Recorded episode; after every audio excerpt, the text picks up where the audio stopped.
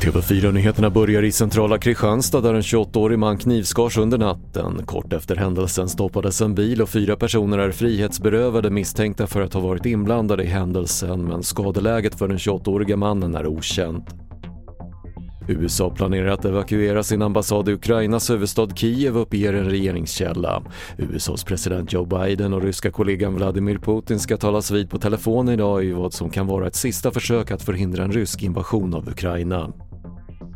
Effekten av den tredje dosen covid-vaccin från Pfizer-Biontech och Moderna avtar märkbart efter den tredje månaden enligt en studie från USAs smittskyddsmyndighet. För att upprätthålla eller förbättra skyddet måste därför en fjärde dos övervägas, skriver rapportförfattarna.